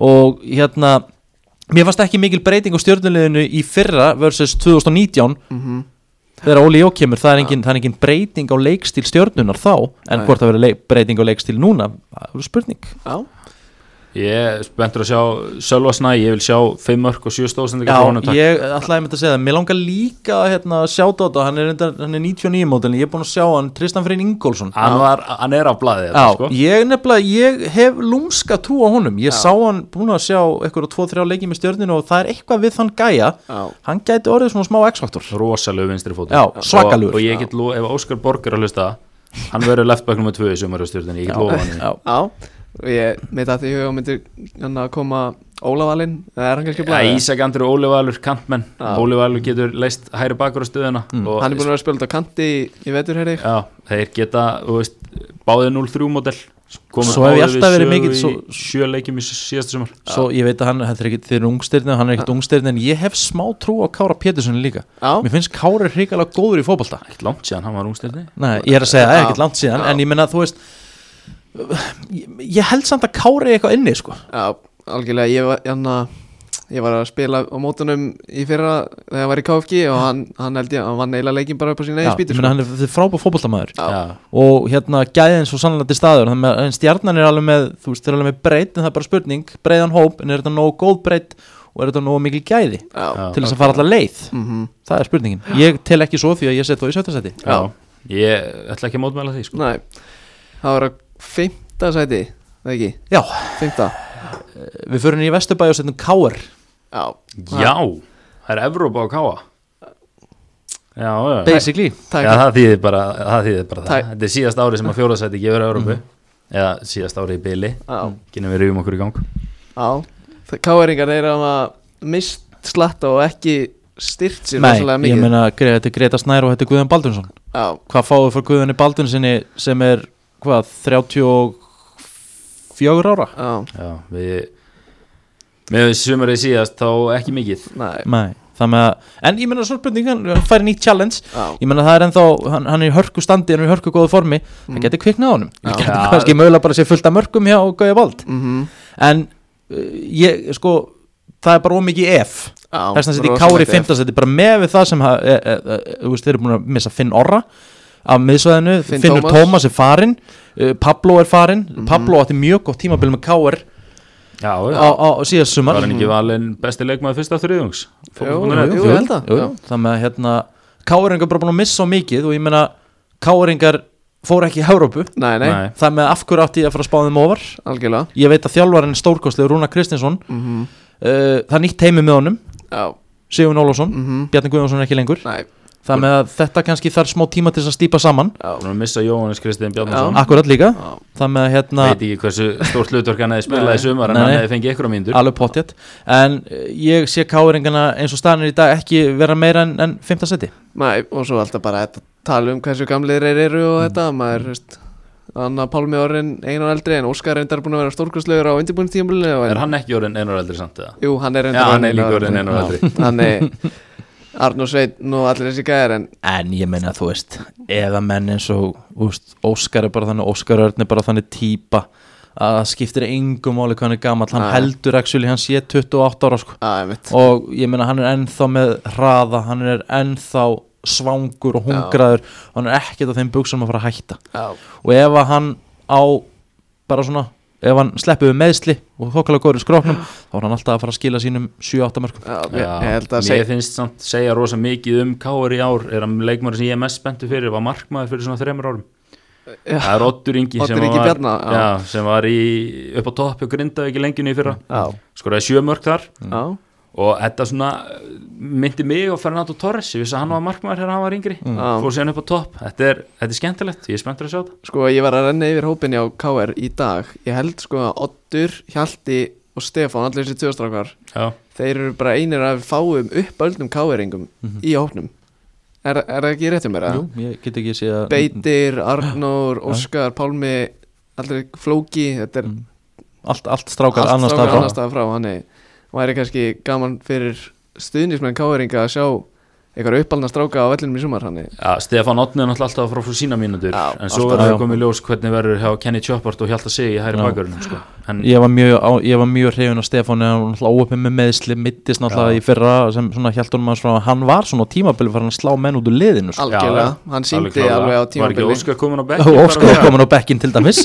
Það með að hérna er þannig bara segja hann, eh, eins og ég horfa á þetta núna þá er hann fyrsti maður af bekk hjá KR alveg klárt mál Sammála bara því. segjast það sem lið eða gerir sem er að fara að vann með þetta káeringa ég menna eins og ég segi þegar K.R. varð Íslandsmeistari hvað 2019 Já, það var enginn sem bjóst við þannig Nei. nei, engin, Hann- þeir voru ekkert í umræðinu þannig nei, alls ekki sko það þeir voru bara of gamlir, Já. bara eins og þeir eru í dag já, já, þeir eru bara búin að vera of gamlir í ykkur fimm Já. ára núna en það með að fólk skal alveg stíga valega til jarðar því að K.R. geta sett sokk í mig og aðra Algjörlega ára komin í Evrópu Árið komin í Európu. K.A. ég var að vonast til að myndi taka F á þarna. Ég var að peppa káa eins og alveg hægt er sko. Sko, þú þekkir alveg nokkuð vel til Ata GL, eða ekki? Já, ég þekki Arnar Gretarsson mjög vel m- mjög góður og ég segi það, þú veist, þessi spá er ekkert endilega litið af því að ég og Nei. Arnar Gretarsson erum góðu vinnir ég bara þekki Arnar Gretarsson það, það vel að ég veit bara hvað hann ætlar sér. Já, og hann er ekkert eitthvað núna, ó, setja alltaf mikla pressu að því að Nei. hann setur bara þessa pressu á sig sjálfur algjörlega og með að við það sem K.A. er búið að sækja þá er þetta bara skýr skilabók K.A. ætlar sér að reyna við bara þetta tímabilið Algjörlega, það er bara Markminn er ekki að vera neitt minna en fjórðarsæti búin að sækja Daniel Hafstinsson og eða hann komin aftur og komin með Jonathan Hendricks. Og ég meina þeir sækja ég meina serbneskan varnamann sem spilaði með Debrechen í Ungverjalandi. Já, Debrechen sem, Þeir- sem fóð nú ef hann ekki svo langt síðan þeir voru í Já. þeir voru í reyðileg með Liverpool held í 2009 í mestardilni Þannig, þannig að þetta er, þetta er alvöru hérna, varnamæður þannig að við erum komið svakalegt hafsendapar hjá Káa þeir, Já. já, og svo kemur Sebastian Brebel frá Bel, uh, Lommel. kemur, með- já, kemur með Hendricks. Jonna frá Belgíu já. ég meina við erum með Hrannar og við erum með Hendrix í bakvörunum ég meina við höfum Daniel hérna og ég meina ef að Elvar Árni helst heill. Já, ég meina þú veist þá er að fá hann Já. tilbaka í sjálf þessi nýjan leikmann Já, sem var ekkert með síðan. Við skulum nú alveg róa okkur. Hann þarf alveg að sína okkur að hann sé komin heill. Já já ég veit það en ég meina að segja ef það algjörlega en ég meina hópurinn er samt þannig að hann er miklu breyðar en hann var. Já, já. þeir eru komið breytt mhm, og Addi er búin að fá hérna heilan vetur til þess að koma sér því að Addi er hérna mikill possession maður. Já, Addi, öll lið sem hann hefur- eða sem sagt, þessi lið sem hann hefur verið að þjálfa sérstaklega bleikalið, Mhm. hann vil halda bolta. Já. og hann vinnur sem sagt, þannig að hann vinnur upp á góðan varnarleik. Hann er búin það að sýn- bæta þessa það sín- varnalínu það síndist í blíkaliðinu held í 2017 eða 18 þegar við fengum á okkur bara nánast bara aldrei á okkur mörg sko. Þannig og svo líka Áski Sigurgeis hann getur sprungið eða svona, hann átti kannski ekkert spyrst tímabili fyrra en það er mjög góður fótballaleikmaður þannig, og svo Dalvíkingarnir á bekknum já, Sveitmarkir og, og nökku þeir já, minna sér hérna, með þá á bekknum sko. Já, já, nákvæmlega og, og Brynjar Ingi sem að norðamenn alltaf klóruðu þessu bara í hausnum að hafa ekki séð hann á blaði í 21 sko. Já. já, en eh, mér langaði að spyrja, varst þú að lýsa manni það rétt, þarna þegar að Sólon fekk raukt á greifavellinum þegar hann rann þarna tvisvar 20. og 30. mynd Nei, ég var eitthvað ekki að lýsa þar Getur verið bara Hen- Henry Birgir eða hann eitthvað var alvöru byggar veistla sko 6-0 hann að tvö rauð á 31. Brynjar hlöp rjálar leipur upp Já, það var ég hérna skemmtilegasti leikur sem ég sá síðasta sumar Eina sem ég allavega veit að hérna sem ég hef nú ekki frá Arnari eða neitt þannig, ég spyr hann ekkit út í það en, en, en það sem ég heyrt bara norðana, það er mikil ánægja, ánægja með störf Arnars, hann, hann er alveg all in inn í þessu, í þjóðfélaginu hann er mikið að fylgjast með yngreflokkaæfingum Mhm. og bara starfinu og ég held að hann og Sæfa Pétursson vinni mjög vel saman. Mhm. og svona, get ég sagt match made in heaven, það með að mínu mati og svona mín tilfinning er að ká að taki þetta fjóra seti Ég get alveg séð þetta gerast sko. Það er bara ekki spurning. Ég meina, var ekki hann ekki Fyrir ekki talingu síðan Jú, jú, ég Já. meina hann er líka búin að vera í Belgíu og já, já, já, ég þetta er sko. bara, þetta er Talandi bara um gæi sem bara, þetta, þú veist, ég tala um fótbolta þengjandi Já. og horfur á þennan gæja Já, þá ertu bara að koma með hann. Já Elskar líka bara hann- Mér finnst það svo nettur ADG Alltaf með trefilinn Vel harður sko. Já, og líka svo, þú veist, ég og Attin, ég veit ekki hvað hann er búin að spila marga gólringi þeir eru taldir í 100, 150 hann, Já. hann, hann, allt keppni hjá hann, allt keppni. Hann hugsar allt í keppni. Það verður samt að ræða það fyrst það er náttúrulega ekki boðlegt að bjóða lið hérna í Evrópuleik á nei. eins og hann er í dag. nei, nei, það er ekki hægt. það enda, enda skils mér það, það sé nú svona það sem Arnar Gretarsson sé ástæðan fyrir að hann vildi gera áframhaldandi samning að er, þetta stendur til að bæta úr þessu það er ekki hægt að spila neitt þessum nei, nei, nei, nei, og ég meina að Addi vill spila fótbolta, Mhm. Addi vill halda boltanum þó hann leggji mikið upp á góðan varnarleik.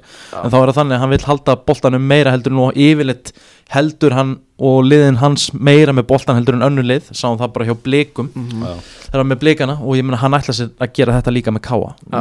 og núna er, veit ég bara hvernig liðir kemur drilla og við fáum allt annað káa lið held ég já, til leiks í sumar heldur en við sáum á síðast tímabili þegar allir tekur við þegar tímabilið byrja þá fær hann alltaf engan tíma Nei. hann þarf að kynnast þessum mönnum Mhm. en núna með heilan vetur ég hef mikla trú, já, Já. ég er sammála þetta er breiður hópur Mm. en spurningamerki með sendirinn er algjörlega, Já. algjörlega. Já, en það er líka eina spurningamerki sem ég get sett við þetta Nei, Já, já, og það það, er mjög gott að vera bara með eitt spurningamerki. Og það líka hafa það alveg á hreinu að það eru gera kröfur til káa í sumar sko. þeir fá ekkert eitthvað fríspil sko. ekki með, veist, bara ég sem áhuga maður um fótbolta, ég get horta á þetta lið og þeir eru klálega með dýrasta hæri bakur deildarinnar held ég sko. Já, já, ég meina og, og Já, Valur er með landslismannin Já, okkar sko. já. já, það með að hérna og, þeir vita það kámen, Mhm. þeir vilja að við séu að gera kröfu til sín, þeir ætla sér bara að vera með í þessu. Algjörlega Mæki, varstu búin að tækla með dalvíkingana? Já, við komum inn á dalvíkingana og Brynjaringa í hafsendum þannig að það eru svona menniti sem að ég er peppaði fyrir. Þriðja sæti FH Já, FH engar hljóta fara að rífa sig í gang náttúrulega það er hafa ekki verið svipum með sjón, svipun í sjón nei. í uh, vetur og bara á undirbúinustímbilinu Mm. bæði úslit og bara hvernig þeir hafa spilað. Ég frétti að þeir voru bara arfa slagi gegn frömmurum í þeir töpu fyrir þeim í skersunum daginn sko. Já, já, og ég meina að þeir hafa steinleiði gegn vikingum og steinleiði gegn fleiri liðum og þú bara, þetta hefur, þetta hefur bara virkað mjög slæmt. Vissulega aðeins til að bakka upp þá fór ég á leikinar á móti Þór og það var bara eitt lið á vellinu þar. Já, já, Já, það er, ég, ég veit að Lógi, vinnu minn Ólafsson, hann rýfur þetta upp já, og við, fá, við sjáum allt annað F-fálið koma til leiks þegar að vera flauta lóksins á. Ég held að það hjálpaði maður þegar fá Ágú- Ágúst Lins hann er reynda bara til fyrsta júli en hann á Já. örglega eftir að hjálpa þeim samt.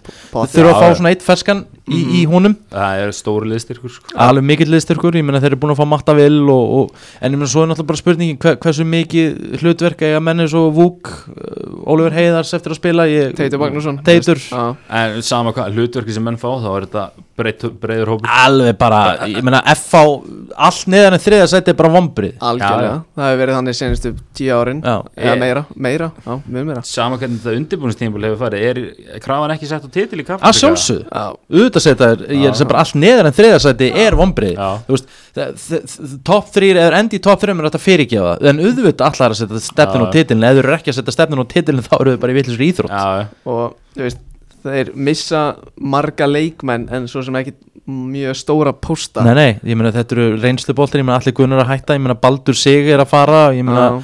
Þeir, þeir missa, þú veist, meina Kristján Gauti kemur aftur, hættir við einhvern veginn, veist, hættur aftur og Já, það með að, hérna, einu gæðin sem eða einu gæðinir sem hann er missa sem voru í ykkur hlutverki vera Daniel Hafstes og Óli Kalli. Já, Eh, ég meina, ég, ætla, að- ég myndi segja það að F-fáingar ætti að vera sterkar á að klála núna heldur en í fyrra, Ég er sammála því. Er, já, algjörlega sammála. Þannig að þeir voru í eina liði sem svona, já, settu einhverja, einhverja pressu Já, á, á val, ef, ef pressu má Já, kalla. Já, Algjörlega. já, svona valla. Já, uh, Logi Hrapp 2004 ár gerði hafsendum. Já, ég man eftir þegar hann kom inn á það mútið blikum og bjargaði á línu. Já, kópáðsælli, já, já, rosalegt. Á hugsaði ég með mér þessi gæði er að fara langt en það verður spurning hvaða hlutverk hann fær í sumar. Já, hann, algjörlega veist, hann er ekki startur Nei. og svo veist, ef þú ert með besta eða næst besta 06 mótul á landin þá verði að minnast á hann, William Cole Campbell sem er Já. búin að vera að spila í lenginu núna í vetur.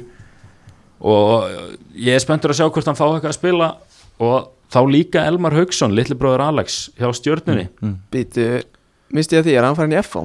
Nei, hann, hann er í Nei, stjórnum ok, segi, ok. en þetta eru svona uh, eftir því sem ég best veit Já. bestu 06 mótur á landinu, báði kantmenn Já, ok en veit ekki, veist ég myndi ekki setja minn pening á þeir var að fara að spila eitthvað hlutverk í sínum liðum Ég átti umræðin daginn um hann að Þóri. Jóhann mm.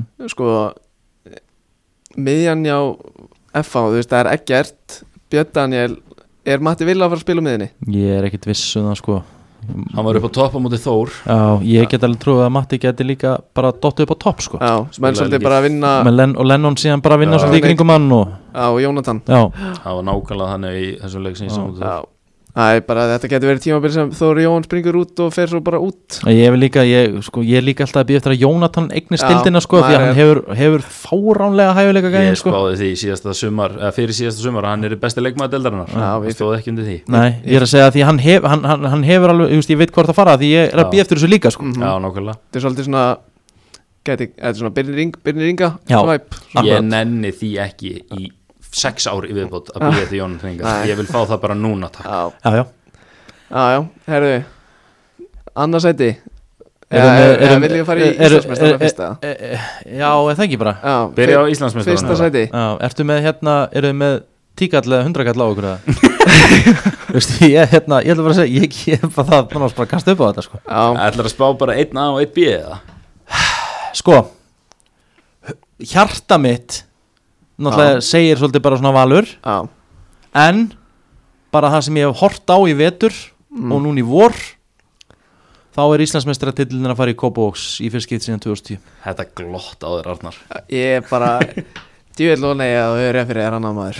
Ég, hérna, ég held að þetta ár í fyrra hafi bara verið fýll lærdómi fyrir hérna, Óskar. Já, hafi svolítið fengið að kynnast bara svolítið kultúrnum og, og öðru sem, sem breiðablik stendur fyrir já, kynnast leikmunum og þessum stóru karakterum. Ég held að Óskar sé núna búin að móta sér svona þá karaktera sem hann vill vera með í kringu sig og losa sig við þá sem hann vill ekki vera með. Mhm. Og ég held að blandan sé núna klár fyrir tímabilið og með við hvernig spilamennska blika hefur verið hvernig liðið er drillað, hvernig fótbolta er spila þá eru bara önnu lið og eftir og þurfa elda blikana í sumar. Já, sko ef við förum yfir sko konni farnir sko Gulli var þjálfari hana Kalli var hjá Gróttu. Mm -hmm. Uh, Guðjón Pétur spilaði ekki mikil hlutverki fyrir það Nei, eini stóri pósturinn sem missa er.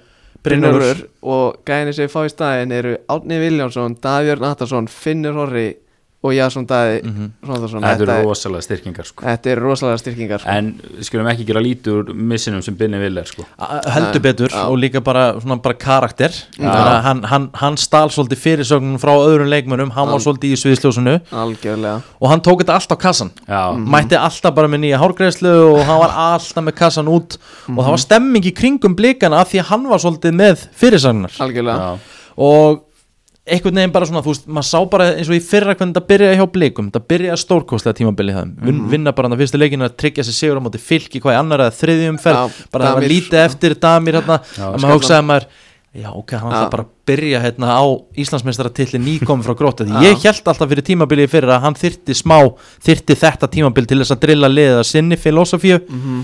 og svo sá maður að það voru svona nokkrar veist, það voru mistök hingað og þangað og, Já. og maður sá síðan að það kom þess að móti þá kom slæmurkapli Já. en nú held ég núna að árinu sagt, reynslunni ríkari. Já, Óskar ég veit að hann er mættur að nörglega fyrir, fyrir sex alla mótna.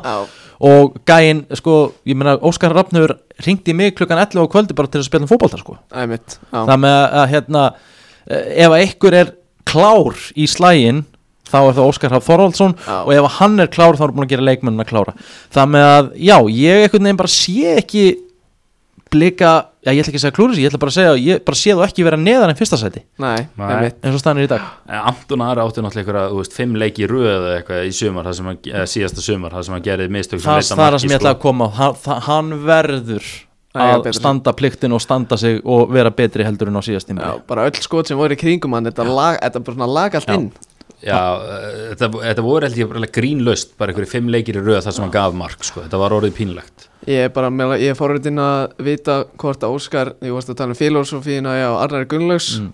hvort að Óskar ætli að fara aftur full force í 361 eða hann ætli að fara kannski bara í vænilegt 4-3-3 eða Óskar, Óskar er þannig að Óskar er þannig típa ef hann hefur trú á okkur og þetta, þetta reyndist vel hjá gróttu hann fór upp um tvær deildur og tveimur árum. Já, og spilaði ljómandi skemmtilega fótbolt á síðast tímbili þó kannski úslitin en mér skulum ekki glema því að blikar voru samt þú veist inn í þessu á, á, á löngum köplum algjörlega. Uh, þá held ég hans ég ekki að fara að gefast upp eftir eitt tímabil sko. Nei, svo bara hvernig, hvernig Átni og Tómas Mikkelsen munu vinna saman Þetta gæti ég, Átni, Átni Vil er skellilhægjandi hann er að vera pappi og, Já, og, og hérna Átni er hérna mikill atvinnumæður í hausnum Já, þetta er bara, þetta er bara professional player. Hann Algjörlega. kemur það inn í klefan mm og professional player geta unnið saman og hann og Tómas Mikkelsen er alveg eftir að geta unnið saman. Já, Hann er verðmættasti leikmaður í Pepsi-dildinni, sangan transfermarkt, með þetta á 500.000 eurur. Já, mér bara finnst það ekki skrítu og ég meina þetta, þetta er ótrúlegt. Breyðablika með Árna Vilhjálmsson já, Já, sem, sem, sem bara veist, í, sín, í sínu lið og þeir eru líka með Tómas Mikkelsen. Já. Það með eins og ég segi ég gerir bara kröfu á vinn minn Óskar Hafn Þorvaldsson að klára þann stóra í sumar Já, ég er bara, ég er allir að tjúnast upp inn að þeir eru að tala um þetta sko, ég er bara en valsararnir verða ekki langt á eftir Nei, tölum með þessum valsarana Já, ætlum við ekki að minnast eitt orð á Jasondaða eða? Jú, Sá er búin að vera góður í lengjunni maður. Já, Ég er ekkert Algjörlega. eðlilega spenntur að fylgjast með honum á Kópavöðseld í sumar, sko.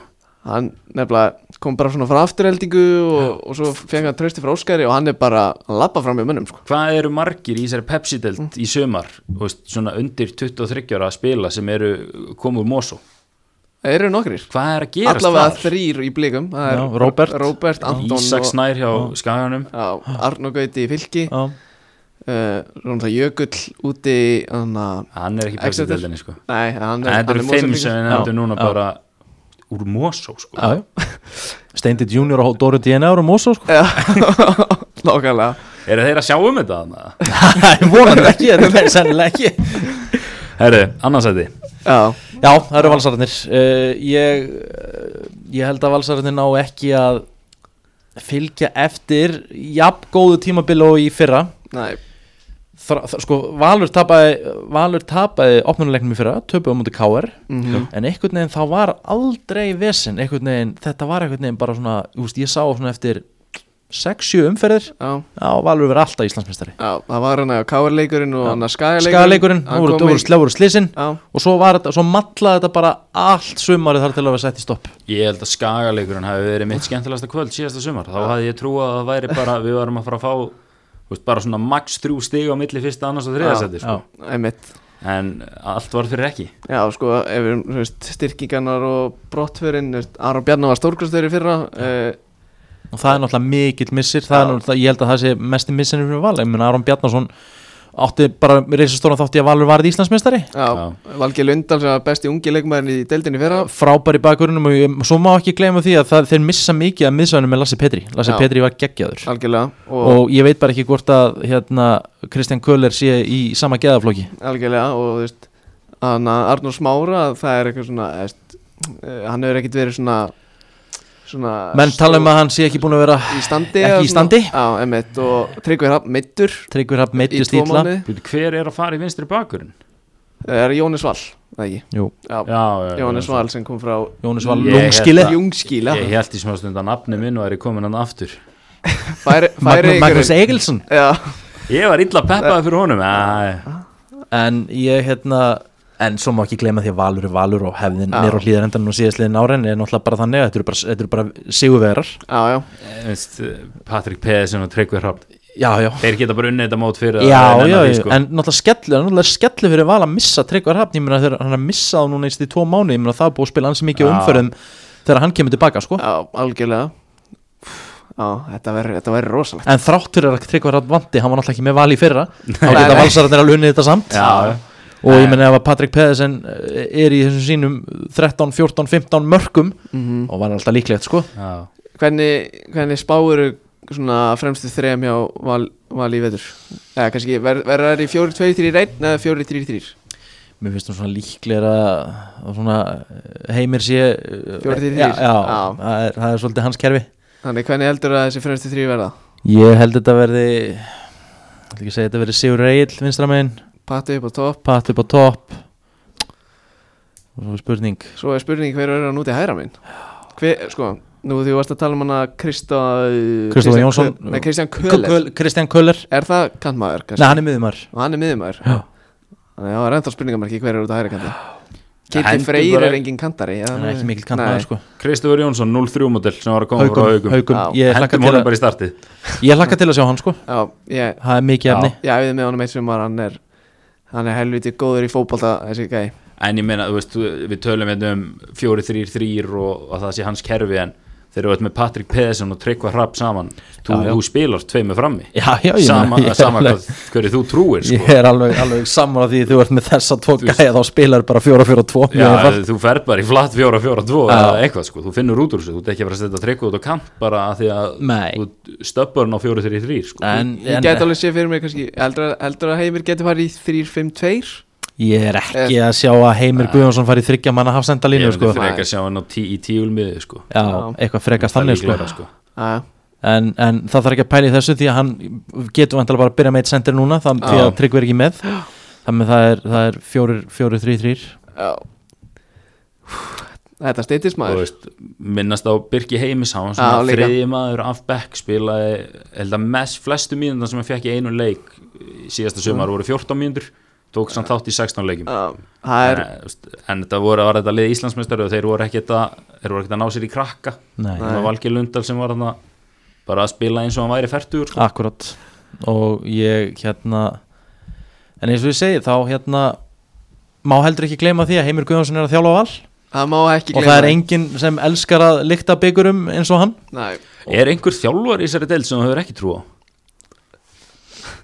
Eða Það er rosalega ekki að leið- nefna Nei, hann, það sko. er rosalega að- eitthvað að fara að segja það hérna en Já, nei, veist, ég held að öll hann. séu ansi vel Mönn- mönnuð Já, fyrir tímabilið það af þjálfurum og ég einhvern veginn sé ekki sko, ég, ég, þú veist maður að spara hver heldur að vera fyrstu til þess að láta þeim fara ég, ég bara sé það ekki, hver á Nei. að vera fyrstu til þess að láta þeim fara sko. ég, bara, ég var líka svona í fyrra sko, þú veist, mér finnst bara þjálfara þú veist, þessi tólf þjálfarar Mm. mér finnst þetta bara sjaldan hafi verið jafn flott þú veist, já, ég eina sem ég hef áhyggjur af sem ég hef áhyggjur af ef að byrja ítla hjá FH þá hef ég smá áhyggjur auðvitað að loga minni mínum álvarsinni sem ég þykir alveg óskaplega Mm, já. og, er, er, og, og FH er bara þannig félag ef að úslitin halda áfram að vera eins og eru búin að vera undirbúinustímbilin og þeir fá vond start þetta hefur maður áhyggjur þá, þetta er það- FH já algjörlega, ég getur alveg verið við gikkin saman sko ef, að- illa fer. Það er ekki spurning en ég meina þó að myndi byrja illa hjá breyðablika eða byrja illa hjá val, það er aldrei verið að fara að rífi kikkana þar sko. Nei, ekki og sama með Káa, ég meina eða, eða Eða hérna stjörnuna eða þú veist, KR Rúnar eða- Páll Káar þú veist, ég, ég sé ekki hvar á að taka í kikkin Nei, ég meina Arnar Gunnlaugsson með óuppsegjanlega samning. Já, leiknir er enga kröfur Nei, þar. nei, nei, nei, þú veist í Keflavík uh, bara Nema ef að fyll, eða nema ef að fylgir er verða á svona fallbrautinni. Mögulega Já. mögulega. En ég, eins og segi, ég veit ekki ég, þú veist, að því maður nú pínu spila fyrir að Já. ég var bara til að veðja að það verður engin þjálfari reikin í sumar. Það er alveg, vildu fyrir mig gegnum þú heilt tímabil fengið fínan stuðul og það get ég sagt ég. heyrir bara í Daða Lagstall á Kúlbett og lætur að græða stuðil fyrir þig. Þannig að já, ég hérna, þetta eru mín þetta eru mín tóliða spá. Já, sko, ég er ekkit eðlilega peppaði fyrir þessari deild eftir að fara yfir þetta sko. sko, ég ætla að enda þetta á fjórum spurningum sem við tók úr, ég setti á Instagram akkántin okkar hvort Já. að eitthvað er með spurninga fyrir þig. Sko, ég fekk þess að þegar ódildin var ekki búið að cancela. Mhm. Myndur þú taka því að vera official lýsari fyrir Super League fyrir þreföld laun en samt hataður? Þessi kom frá atvinnumanni. Myndi ég þykja þreföld laun fyrir að vera official bara svona lýsari fyrir Super League en hataður. Fyrir að svona standa bara í því að vera í þessu þreföld laun hans Já. mér með í dag. Já, Ég elska Cass sko. Já, þú elskar Ég- Cass ég- Ég meina, er þetta ekki Já, skilur, já. væri ekki, væri þetta Jú, ekki sínt á ég stöðu Jú, jú, ég meina, ég er, og ég er að lýsa hérna, er að lýsa öllum bestu liðum heims og jú, ég bara, ég tek þetta á mig. Ég er með breytt bakk. Þú ert með breytt bakk. Herru, sko Uppáhaldsleikmaður allra tíma. Uppáhaldsengmaður allra tíma. Já, Vá. Þetta er rosalega erfitt Bara, ferði United rætunar eða? sko Já og nei. Mm. Eiginlega uppáhaldsleikmaður allra tíma. Ég skal, ég skal leifa þér að hendi uppáhalds United mann og svo Ok, kannski utan. ok. Uppáhalds United maður allra tíma er David Beckham. Já, það er Það er bara minn uppáhalds United leikmaður bara á full time. Já, ég, ég get skilið það það sem ég, ég er maður ekki reynda báða púlara en ég get skilið það ef að David Beckham væri púlari og myndi ég örgulega að segja kannski þetta líka. En uppáhalds leikmaður allra tíma Sindin síðan. Já, Það Sá var, titla á það því. var minn fyrsti uppáhaldsleikmaður í fótbolta síðan. Já, ég hérna þegar, sko, þegar ég var að byrja að fylgja svona almennilega með fótbolta já, þá var ég að tala um bara svona all-in bara að vera að verða veik, bara veikur, mun að vera veikur síðan 1997 já, þá var síðan svona þá bara byrja ég að horfa á hann eins og í ítalsku með Juve og svona þú veist þá bara ok, wow svo Fyrst- fer hann alltaf yfir í Real og Fyrsti leikur sem ég man eftir að hafa séð var síðasti leikurinn hans á ferlinum. Já, En hann var uppáhaldsleikmaður minn all, á þeim tíma sko Í ykkur 90, nei 120 myndir Já, við erum ég, svo ungir maður, við erum bara fættir um á, á aldamótunum já, ég hérna ég er, jú, Sindin síðan ef ég ætta, þú veist, Ronaldo kemur hann ansi, Cristiano Ronaldo kemur hann ansi ofalega brasilíski Ronaldo kemur hann ofalega en síðan, já, klart besti ungi leikmaður Pepsi Max deildarinnar. Í dag? Í dag. Er þetta, er þetta, þú veist, ég fatt því Er þetta spá fyrir hver verður nei, það eða- bara er? Hva, hvað telur, hver telur þú kannski vera bara besti leikmaður og mun kannski ná lengst? Besti ungi leikmann Guð með góðu drengir. Búf úf, úf, úf, úf. ég er bara ég er bara ekki með þetta sko. Nei. ég, ég, veist, ég bara get ekki svarað því hver, hver er bestur í dag? Það er, það er- ekki hægt að segja sko.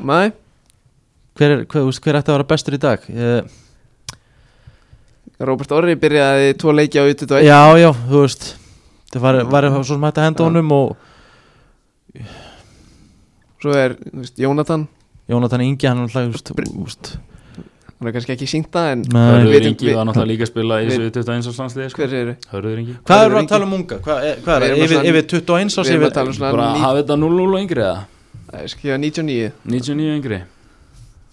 Þá er Hörður þá, Ingi þá ætla ég, ætla, ég ætla að segja bara og ég held að hann verði líka eftir að standa undi ég ætla að segja Sölvi Snæri Guðbjörgar Já, Já, það er gott svar. ánægður með það. góð svar. Hann er 2001 Herru, Ég held að Robert hafi ekki, fá ekki sensin á að vinna hann að titil Það verið farin út á hann að tímabili klárast herru, senasta spurningin uh, Besti leikmaður sem þú spilað eða séð í yngri flokkum? Það sem þú, þú varstu frambærilegur í fótbolta? Já, já, ég var ágætur skal ég segja ykkur. Þú veist, engir leikir í mestralflokkja neitt hann ég Þú hérna, ert með einn á KSI einn á létti. með létti. Þá er ég þjálfari sko, þá þurfti Nú- ég að koma inn á já, ok en, samt, samt leikur, já, já, það er leikur, það er leikur. En jú, jú, ég var í yngri flokkum meðal annars hjá hérna, fylki og ég var hjá IR en, en klárlega langt besti leikmaður sem ég spila með í yngri flokkum er Eyjólfur Híðinsson Já, by far. By far. Já, Þú sagði spila með. Já, spila með, já, ég var hjá honum ég var Já, spilað með honum já. með IR þá vorum við saman í IR svo held ég að að spila á mótunni þegar ég var farin yfir í fylki og spilum við í IR, þá var hann Já. ennþá hjá IR svo fór hann yfir í fylki sjálfur, þá var ég hættur en uh, það var náttúrulega bara svindl. Já, í mínum árgangi, við erum, samir, við erum 85 já, var var á, fyrir kannski utan og svo mættir sem var bara svona og fegst bara í magan Ég fékk í magann. Ég fæ, Eh, já, uh, sko sem ég fæ, myndi fá í magan er, uh, sko nei, ekkert svona Nei. get nefnt svona í fljótu bragði. Nei. En bara Eyjólfur Já. Hjeðinsson bara, jú, ég get nefnt hann Trausti Björn Ríkarsson Ekki hann ekki, Trausti Björn uh, var í HK og var líki í Já. IR Ok, hann var spilað með fylki líka lengi ok hann var svindlgóðu líka já, í yngri flokkum Já, algjörlega Ég fæ ennþá martraðir að ég, ég er satt í 2000 árganginum og þar Mm. voru Birgir Heimisson og Ágúst Lindsson já, saman í þórsuliðinu og Mm. þeir eru ástæðan á því að ástæðan á hverju blíkanir eiga lenga titla í 2000 árganginum þannig ég er svona Maggi, mannstu þetta einhverjum? Það er bara Alex Þór Hauksson fyrirlið minn í uh, einhver ár hann að Altanesinu sko. Já. Herðu, ég ekki bara segja þetta gott. Held ég. Riki, takk æðislega fyrir að taka tíman að koma. Já, fyrir bara komuna. takk fyrir mig, mínir ánægandrengi mínir, þetta var heldur gaman. Spáir blíkanum Titlinum? Já, blíkar titlinum. Fylkir Fylkir fara niður. Káa, Káa í Evrópu Þetta er sannlega áhuga að vera spá. Árbærin logar sko. Þetta verður rosalega Ég er einmitt að fara- er að fara í árbæðin á morgun Amma náttúrulega býr hann þetta, ég náttúrulega bjögum mér hömba í 190 Ég Já, náttúrulega bjóð þar í, í ég veit ekki hvað, árbæðaskóla og æfði með fylki og, og taugarnar eru sterkar nángað en ég vil frekar eður afsannið þetta. Algjörlega. Herru, endur með þessum orðum. Bara takk fyrir að hlusta og Riki aftur takk fyrir að koma. Takk fyrir mig. Takk